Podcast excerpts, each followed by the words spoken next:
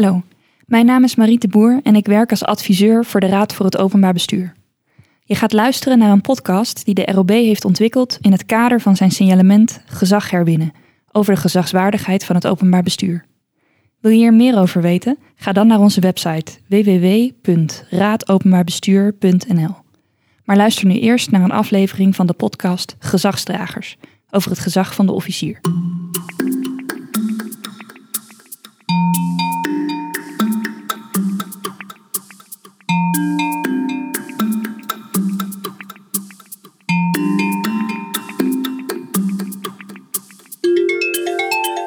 Gezag is in de hele samenleving minder vanzelfsprekend. En toch zijn er nog altijd mensen die we als gezagsvol zien. Bijvoorbeeld om wie ze zijn, om wat ze doen en wat ze weten.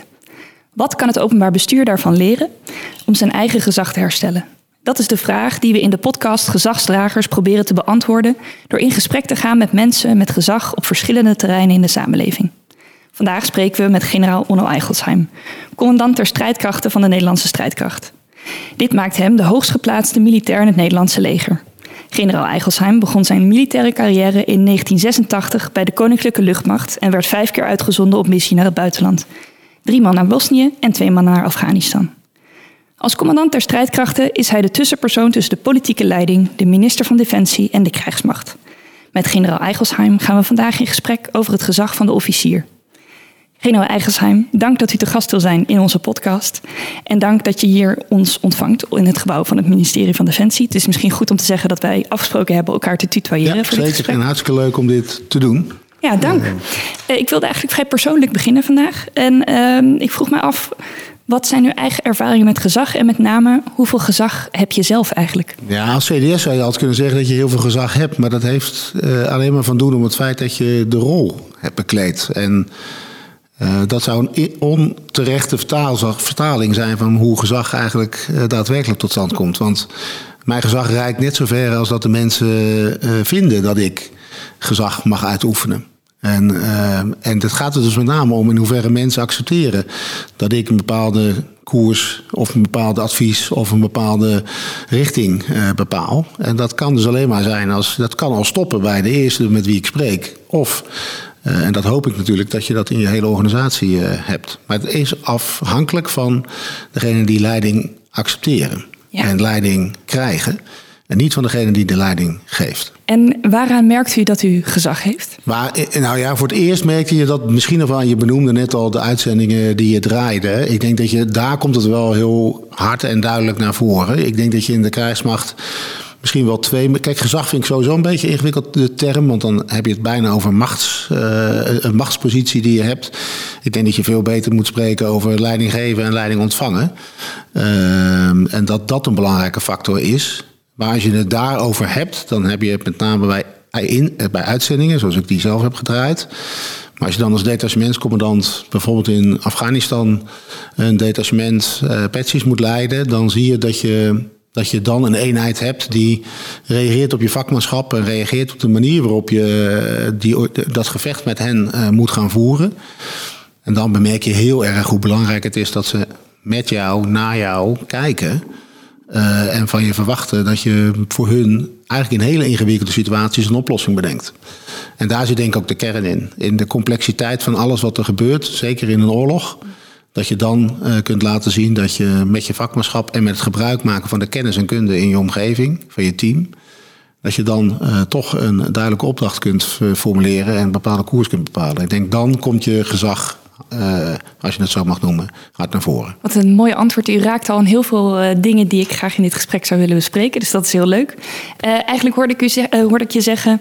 Um, de uitzendingen naar het buitenland die, die dragen wel bij aan je aanzien, uh, gezag binnen de organisatie. Het is misschien goed om even uit te leggen wat wij zelf. Nou, ik zeg niet zozeer dat de uitzendingen eraan bijdragen, maar als je op uitzending bent, dan komt dat nog prominenter tot zijn recht. Okay. Dat je echt. Uh, dan heb je als detachementscommandant een bepaalde verantwoordelijkheid. Je team verwacht dat ook van je. En ze verwachten ook van je dat je met je vakmanschap kunde, maar ook met je gezamenlijk als team optreden tot moeilijke beslissingen en oplossingen komt. En dan zie je dat het uh, op zulke momenten dat gezag hard naar voren komt. Het is misschien interessant, want ik hoorde u zeggen van nou gezag, dan, dan denk ik een beetje aan macht en ik heb het liever over leiding geven. wij definiëren gezag zelf als vrijwillig aanvaarde macht. En um, dat zit misschien ook een beetje in dat leidinggeven. Dus wij zien een, een gezagsrelatie ook als een wederkerige relatie. Dus u als gezagshebber uh, wordt gezag verleend door uw ondergeschikte bijvoorbeeld. Ja. En um, ja, ik vroeg me eigenlijk af, wat is, wat is de rol van het gezag binnen het leger? Dus uh, als we het hebben over vrijwillige aanvaarding van macht over en weer. Leger is natuurlijk een vrij hiërarchische organisatie op sommige punten. Kunt u daar wat meer over toelichten? Ja, kijk, ja, de, de, de, de krijgsmacht is een hiërarchische organisatie. Maar vergis je niet dat de kracht, denk ik, juist in onze organisatie zit. En daarmee dus ook voor onze leidinggevende. Uh, die dat gezag moeten uitoefenen, zoals jij het net schetst. Maar die kan alleen maar tot stand komen als je team ook dat van je uh, wenst te ontvangen. Uh, en ik denk dat daar wel een hele grote verandering heeft plaatsgevonden in de afgelopen jaren. En daarom wil ik wat wegblijven uit, vanuit de hiërarchische gedachte. Um, de huidige officieren in de krijgsmacht kunnen alleen maar goed functioneren als zij in staat zijn om dienend leiderschap te geven. Om uit zo'n groep uh, de kennis en kunde te halen die zij ontberen en dat ook daadwerkelijk laten zien. Uh, en ik denk dat dat de kracht is van de officier van vandaag. Uh, die niet gewoon vertelt, jongens, we gaan voorwaarts, want we gaan voorwaarts. Nee, die met zijn team overleg heeft gehad over waarom ze voorwaarts gaan en hoe ze dat het beste kunnen doen. En ik denk dat dat de huidige generatie is. Dat verwachten de jonge mensen tegenwoordig ook in je organisatie. En niet onterecht. Maar dat is de manier waarop we denk ik op dit moment ook het officierschap invulling geven en leiding geven. Maar het valt of staat met leiding ontvangen, zoals je het net al schetste. Mm -hmm. En dat kun je dus alleen maar creëren doordat je een veilige omgeving hebt waarbij tegenspraak mogelijk is.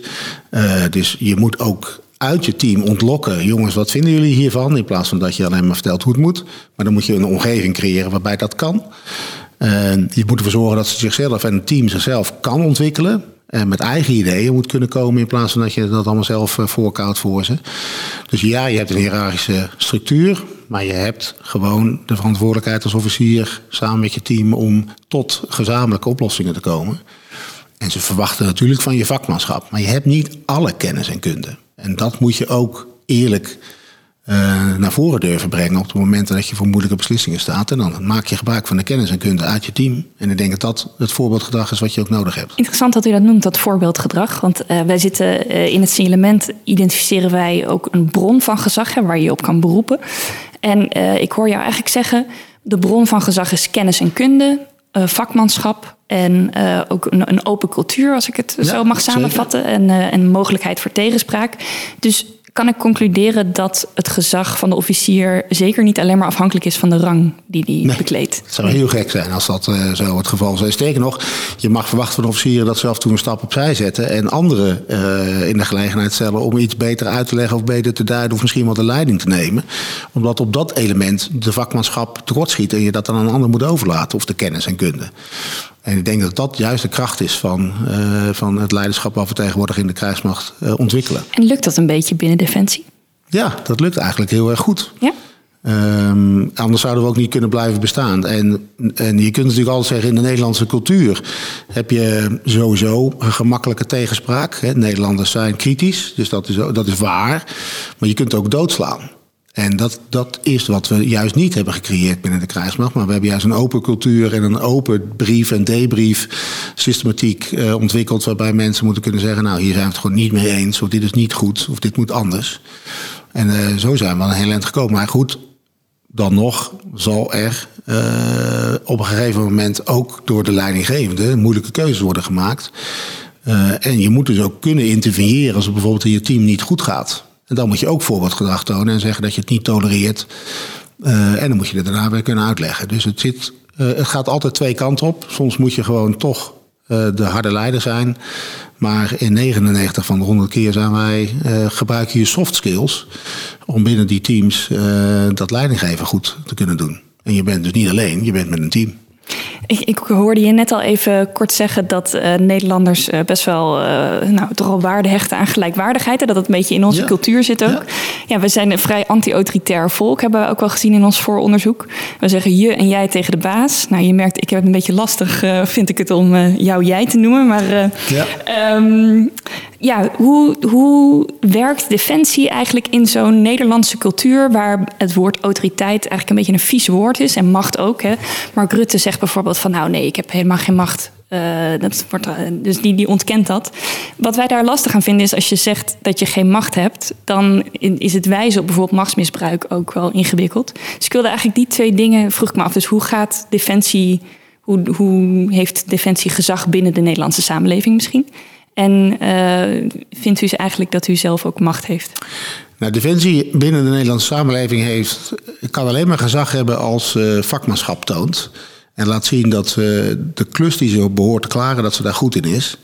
Um, en dat ze dat um, niet doet omdat de krijgsmacht er is en daarmee bestaat. En daarmee is het een feit. Nee, wij moeten laten zien uh, dat we die rol op een hele menswaardige en goede manier kunnen invullen. Uh, met respect voor elkaar, met respect voor de samenleving, met respect voor de, uh, de gedachte waarom jij een krijgsmacht bent in een samenleving. Dus ik denk als je dat laat zien, dan krijg je gezag en respect voor het werk wat je doet. Um, en dat je niet. Um, en dat je dat dus ook altijd op een zorgvuldige, binnen een zorgvuldige manier binnen een democratische rechtsstaat uh, brengt. Ik denk dat het goede van een Nederlandse militair is inderdaad die en daarom staat hij ook midden in de samenleving. Die voelt zich één met die samenleving. En die voelt zich niet verheven boven. En die is uh, een integraal onderdeel. Uh, dat doet hij in zijn organisatie, maar dat doet hij ook in, in gesprek met zeg maar, uh, de samenleving zelf. Dus ik denk dat de kracht is. Dus wij, wij zijn dus afspiegeling daarvan. En dat zie je nou, zeg maar ook in de gezagsverhouding intern, maar dus ook in de verhouding die je hebt met de samenleving zelf. Dat is één. De tweede is, jij vroeg aan mij, hoeveel macht heb ik? Um, ja, ik denk nogmaals, ik denk dat de minister-president daar best wel gelijk in heeft. Die heeft ook maar een bepaalde mate van macht. In hoeverre de samenleving dat van hem uh, ook verwacht en hem gunt. Dus mijn macht rijdt niet verder dan de hoeveelheid die mij gegund is door mijn omgeving, door in dit geval het team binnen de krijgsmacht. Uh, dus ik, ik heb geen macht in die zin uh, dat ik zomaar even kan bepalen wat we gaan doen. Dat zou heel gek zijn. Maar u bent wel de hoogstgeplaatste militair ja, in Nederland. Uh, en daarmee beïnvloed je natuurlijk de koers die de krijgsmacht uh, vaart. Maar dat mag je ook van mij verwachten. En je moet mij afrekenen op mijn vakmanschap en of ik het goede of, het sle of een slecht advies heb gegeven. En zo hoort het ook te zijn, denk ik. Maar ik zie dat niet als een machtselement. Ik zie dat meer als een integraal onderdeel van het team. In dit geval het kabinet als het daarom gaat. Of met de minister als het daarom gaat. Of met je eigen bestuursraad of krijgsmachtraad, als je het intern beschouwt. Dan ben je onderdeel van een team. En dat ben je altijd. En machtsuitoefening leidt in het algemeen tot polariseren en tot weerstand. En dat is niet, degene, dat is niet de koers die je moet varen, denk ik. Het is wel zo dat je soms gewoon okay. met je vuist op tafel zult moeten slaan. Zeker in een crisis. En dan is het geen macht, vind ik. Maar dan is het leiderschap. leiderschap. En leiderschap. inderdaad, dat kun je dus ook... Eigenlijk, het, als dat moet gebeuren... dan werkt de acceptatie het beste als je het voorwerk hebt gedaan. En voorwerk bedoel ik niet negatief. Maar voorwerk bedoel ik dat je in die fases daarvoor met je team hebt laten zien dat je gezamenlijk kunt optreden. En dat je leiderschap hebt getoond. Dat zijn die soft skills waar Dat je zijn de soft skills. Ja. En dan is de acceptatie ook op de momenten dat het dan uh, zeg maar met kracht moet, dat het dan ook geaccepteerd wordt. Uh, en dan heb je je juiste doel bereikt, denk ik. En ik hoorde u zeggen van um, de Nederlandse militair staat eigenlijk midden in de samenleving. Is Nederland daarin anders dan andere landen? Als, uh, als je het vergelijkt met andere militaire organisaties van bijvoorbeeld Europese landen of daarbuiten, zijn wij een buitengewoon niet hiërarchisch leger als je het vergelijkt met het buitenland? Nou, de cultuur is bij andere landen echt wel anders. Uh, als we gaan samenwerken met andere landen, brengen we dat eigenlijk ook onze militairen altijd bij. Dat ze rekening moeten houden met de culturen bij andere krijgsmachten. Maar we hadden het al over de wat minder hiërarchisch ingestelde Nederlandse cultuur. Dus het, het, de tegenspraak die een Nederlander gewend is te doen, daar moeten we ook overigens behouden, want daar wordt het besluit alleen maar beter van. En dat is wel typisch iets voor de Nederlandse manier van uh, besluitvorming en hiërarchie in de Nederlandse krijgsmacht. Dat zul je bij Duitsland veel minder zien. Uh, die hebben een veel meer hiërarchische structuur. Geeft ook zijn voordelen, want soms is dan de discussie ook gesloten en dan wordt het ook uitgevoerd. Uh, en bij ons wordt het ook uitgevoerd, maar daar gaat een wat langere discussie misschien over af. Maar ik denk dat bij ons het besluit altijd beter is. omdat alle meningen zijn meegenomen. En maakt dat het Nederlandse leger bijvoorbeeld bureaucratischer dan buitenlandse legers? Nee. Nee, want uiteindelijk zijn we echt heel goed bij machten om door die tegenspraak en meespraak heel snel tot een besluit te komen. dus ik denk dat we zelfs minder bureaucratisch daardoor zijn. je hoeft je ook niet in te dekken in de bureaucratie. Want je hebt toch alle meningen op een goede manier uh, gewogen. Dus ik denk dat het zelfs versnelt. En kun je een voorbeeld geven van een cultuurverschil tussen bijvoorbeeld het Nederlandse en het Duitse leger in uw recente ervaring? Ja, als je kijkt, het is een beetje een flauw voorbeeld, maar. En ik wil niets afdoen aan de Duitse uh, krijgsmacht, want dat zou verkeerd zijn. Maar uh, we hebben gezamenlijke eenheden samen met Duitsland. Ehm, bijvoorbeeld in mijn tijd, toen we met de eerste peloton naar ehm, eh, een, eerste, een, een, Duits peloton ging met ons mee naar Amerika voor training op het luchtmobiele optreden. Um, in zo'n peloton zit natuurlijk een kapitein en die is baas van het peloton. Die had ook Nederlandse onderofficieren toegevoegd gekregen. En die Nederlandse onderofficieren die geven natuurlijk weerwoord. Daar kon hij totaal niet mee omgaan. Dus dat was uh, ruzie in de keet. Uh, want ja, die, die kon gewoon niet met tegenspraak om. En ik denk dat dat wel dat hebben zij ook moeten leren. En wij hebben moeten leren dat je niet klakkeloos maar tegenspraak moet geven als je bijvoorbeeld in een Duitse hiërarchische structuur zit. Maar dat is wel een, een voorbeeld. Het, kost dus ook tijd en aanpassing van beide kanten. En dan kom je in Nederland. Nu heeft Nederland de uh, afgelopen jaren best wel veel bezuinigd uh, op het leger. En uh, nou ja, sommigen zeggen van nou, de Nederlandse cultuur waardeert eh, het leger niet op de juiste manier. Tegenwoordig zijn er wat meer dreigingen van buitenaf. Wat, wat, wat heeft het bezuinigen op het defensieapparaat gedaan met het gezag van het leger binnen de Nederlandse samenleving, denk je? Ik denk dat. Uh, kijk, de krijgsmacht heeft toch altijd, um, zeker naar aanleiding van de uitzendingen die we in de afgelopen 15, 20 jaar hebben gedaan, toch een bepaalde positie in de samenleving gehad. Uh, en daarmee ook altijd hebben onze mannen en vrouwen die het werk doen, waardering gehad van de Nederlandse samenleving. Dus dat, daar zit het hem ook helemaal niet in de bewustwording over de noodzaak van een krijgsmacht in relatie tot de onveiligheid in de wereld is natuurlijk de afgelopen periode veel normaal beter, groter geworden. En daarmee zie je ook dat de acceptatie van een krijgsmacht uh, ook in de samenleving een veel hoger niveau gekregen heeft.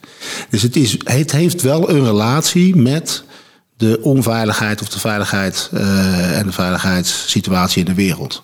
Dat is ontegenzeggelijk zo. En dat is niet gek, want zo zou je het ook naar de politie kijken. Als er geen inbraken meer zijn en iedereen gedraagt zich netjes, zou je op die manier ook naar de politie kijken. Dat neemt dus niet weg dat ik me nooit. Ik heb nooit gevoeld dat men negatief naar de krijgsmacht keek in die vorm dat ze het werk niet goed deed. Maar er was wel discussie over het belang van de krijgsmacht. En dat is nu uh, helaas, zou je bijna moeten zeggen, uh, gezien het feit dat de situatie in Europa heel slecht is, wel gekanteld. En dat heeft inderdaad ook wel een positieve impact gehad op de manier waarop je naar de kruismacht kijkt. Ik, ik, wil toch graag nog even terug naar die rangen binnen, binnen het leger. Uh, want ik hoorde je zeggen van nou, de, de bron van het gezag van, uh, van een officier is zijn, is zijn vakmanschap.